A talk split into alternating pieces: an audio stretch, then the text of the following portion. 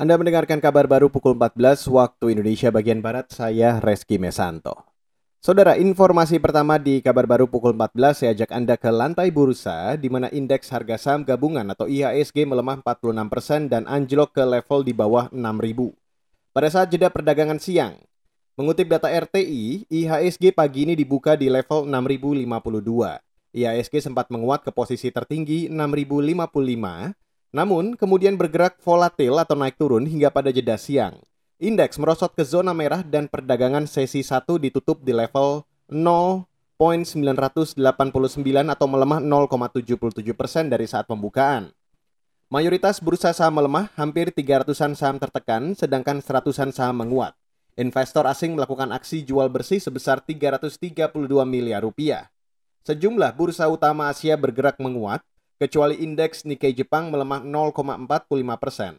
Sementara data RTI memperlihatkan rupiah melemah 0,49 persen dan diperdagangkan di posisi 14.018 rupiah per satu dolar Amerika Serikat. Beralih ke informasi selanjutnya, Saudara. Perhimpunan Rumah Sakit Seluruh Indonesia atau Persi mulai mengumpulkan tenaga kesehatan secara mandiri untuk mengantisipasi lonjakan kasus baru positif COVID-19 akibat libur akhir tahun. Sekretaris Jenderal Persi, Lia Gardenia, mengatakan, rumah sakit sudah mendapat izin dari Kementerian Kesehatan mengingat banyak rumah sakit kekurangan jumlah tenaga kesehatan di masa pandemi waktu awal kan memang semuanya terpusat di Kementerian Kesehatan gitu PSDM. Tapi sekarang dengan kebutuhan yang mendesak maka eh, rumah sakit-rumah sakit diizinkan untuk mencari tenaga. Kemudian nanti kita akan melaporkan ke Kementerian Kesehatan bahwa kami ada penambahan tenaga dan nanti akan diterbitkan surat SK dari Kementerian Kesehatan kalau memang semua persyaratannya terpenuhi. Jadi kita juga memang sudah mendapat bantuan lah karena mungkin mereka menyeleksi sendiri ya berapa banyak rumah sakit yang ada di Indonesia kan ada sekitar 940 rumah sakit rujukan. Jadi itu yang sekarang ini diizinkan bahwa tiap-tiap rumah sakit itu boleh mencari tenaganya dan kemudian melaporkannya ke Kementerian Kesehatan. Sekretaris Jenderal Persi Lia Gardenia Parta Kusuma mengatakan, tenaga kesehatan yang paling dibutuhkan rumah sakit adalah perawat karena harus selalu ada di rumah sakit selama 24 jam. Saat ini berbagai daerah mengalami kekurangan ribuan tenaga kesehatan. Di Jakarta saja, kekurangan tenaga kesehatan mencapai lebih dari 2.000 orang.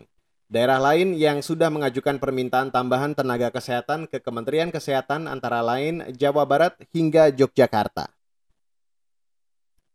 Saudara, Komisi Pemberantasan Korupsi atau KPK hari ini memeriksa petinggi perusahaan yang ikut dalam proyek pengadaan bantuan sosial untuk warga terdampak COVID-19. Sebagai terperiksa adalah Ahmad Gamaludin Muksin, Direktur PT Bumi Pangan Dikdaya.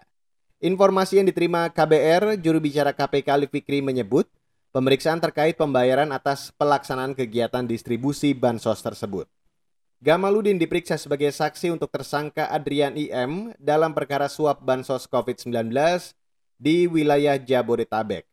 Dan dalam kasus ini, KPK telah menetapkan bekas Menteri Sosial Juliari Peter Batubara sebagai tersangka.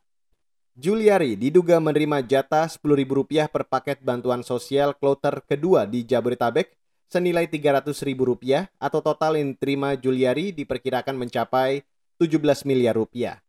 Nilai proyek bansos di Jabodetabek diperkirakan mencapai 6,8 triliun rupiah.